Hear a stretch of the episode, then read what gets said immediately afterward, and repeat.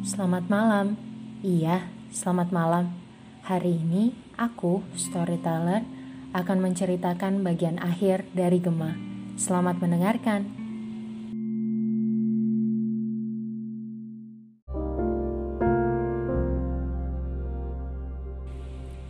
Hari Kasih Sayang Organisasiku berinisiatif untuk membuat acara Secret Admirer. Tahu kan, Secret Admirer? Kamu diberikan kertas dan amplop. Boleh menuliskan isi hatimu dengan jujur di dalamnya. Setelahnya, kamu diberikan pilihan, apakah kamu ingin menuliskan namamu atau membiarkannya menjadi misteri. Beberapa menuliskan inisial, atau mungkin panggilan yang khusus, yang mungkin dapat dikenali oleh si penerima. Setelahnya, panitia akan mengumpulkannya dan mengirimkannya. Acara ini tentunya aku buat dengan dalih ingin membuat Gema dan Mira saling jujur. Setidaknya begitu yang kukatakan kepada Mira. Iya, aku tahu. Aku memang pengecut yang licik dan egois. Malam itu, aku menuliskannya dengan menusuk bocor perasaan yang sudah kusimpan selama hampir tiga tahun itu. Pikiranku seakan memutar potretnya. Seperti namanya, Gema. Menggaung keras dalam hati dan otak. Tapi terasa hampa diiringi dengan helaan nafas yang menahan air mata. Lelaki 13, penggemar Hunger Games, pengagum Agatha Christie, mata bulat hitam, kulit pucat, rambut ikal yang sangat pendek, tangan yang selalu menyentuh hidung dan dagu saat berpikir keras, tubuh yang terkena tamparan pubertas hingga tinggi seperti tiang, candaan yang selalu ditujukan pada bintang-bintang di sekitarnya, helaan nafas yang berat, syarat dengan rasa lelah. Dimulai dengan tarikan tangan, diakhiri dengan Duluan ya. Tembok pembatas pengantara yang tinggi. Pertahananku yang runtuh karena secuil perhatiannya. Pandanganku yang tidak pernah berubah selama tiga tahun itu. Gerhana yang pantas dan indah. Bocah bulan yang tidak boleh menjadi milikku. Malam itu, pelupuk mataku penuh. Aku tidak pernah tahu bahwa rasanya bisa sesakit itu. Tetapi jari-jari ini terus menggerakkan pena, memaksakan untuk menuliskannya. Memukul logikaku berulang kali. Ini adalah pilihan yang tepat. Kamu sudah menyakiti Mira, bahkan mengkhianatinya.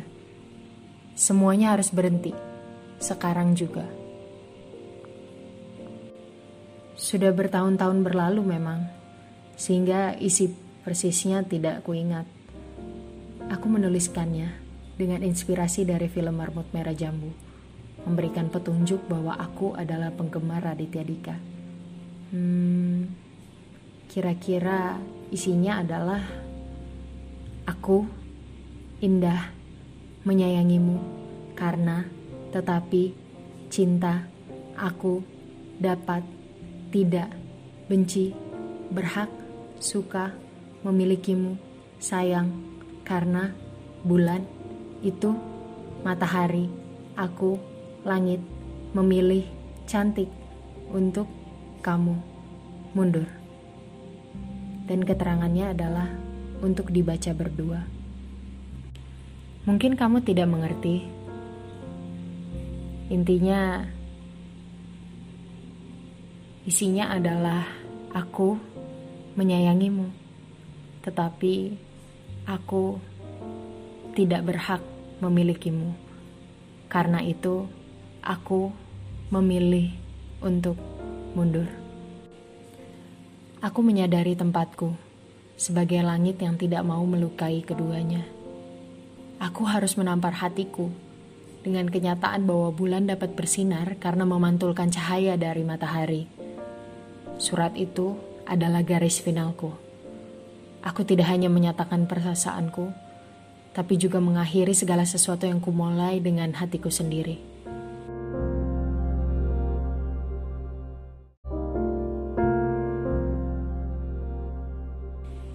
Keesokan harinya, jantungku berdegup kencang, tanganku dingin dan basah. Padahal aku hanya harus menyerahkannya saja pada panitia acara, yang adalah teman-temanku sendiri lagi pula, tidak ada nama yang kusematkan di sana, kecuali nama penerimanya. Surat itu sampai di tangannya, bersama dengan puluhan surat lainnya. Sudah kuduga memang. Tapi aku tetap menarik nafas berat. Ia membacanya dalam keheningan diperhatikan oleh orang-orang sekitarnya. Entah aku harus bersyukur atau tidak untuk takdir semesta yang menempatkannya sekelas denganku. Setidaknya aku dapat melihat sendiri reaksinya sambil menahan luapan perasaan yang sudah tertuang dalam kertas itu. Mungkin hanya sekali itu. Hanya sekali itu ia dapat memperhatikan isi hatiku seserius itu. Hmm, isinya aneh. Aku nggak ngerti. Desahnya gelisah. Pundakku mendadak turun.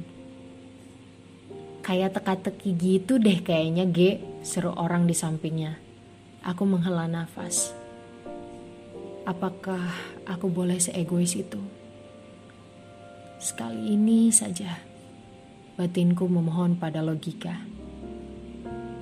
Aku memberanikan diri mendatangi mejanya, menghapus bayangan matahari.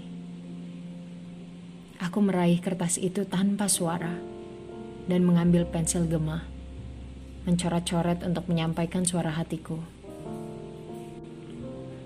Ini maksudnya, ngerti nggak?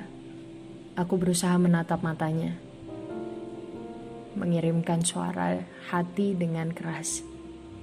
Sekali itu. Apakah sinyal ini akan menggema? Apakah gema itu terdengar? Gema menatapku dengan tatapan yang sama seperti saat pertama di ruang laboratorium. Si bocah bulan memancarkan kesedihan di dalam senyumnya. Aku mengerti maksudnya. Permintaan maaf. Wah, keren. Makasih ya, Mel.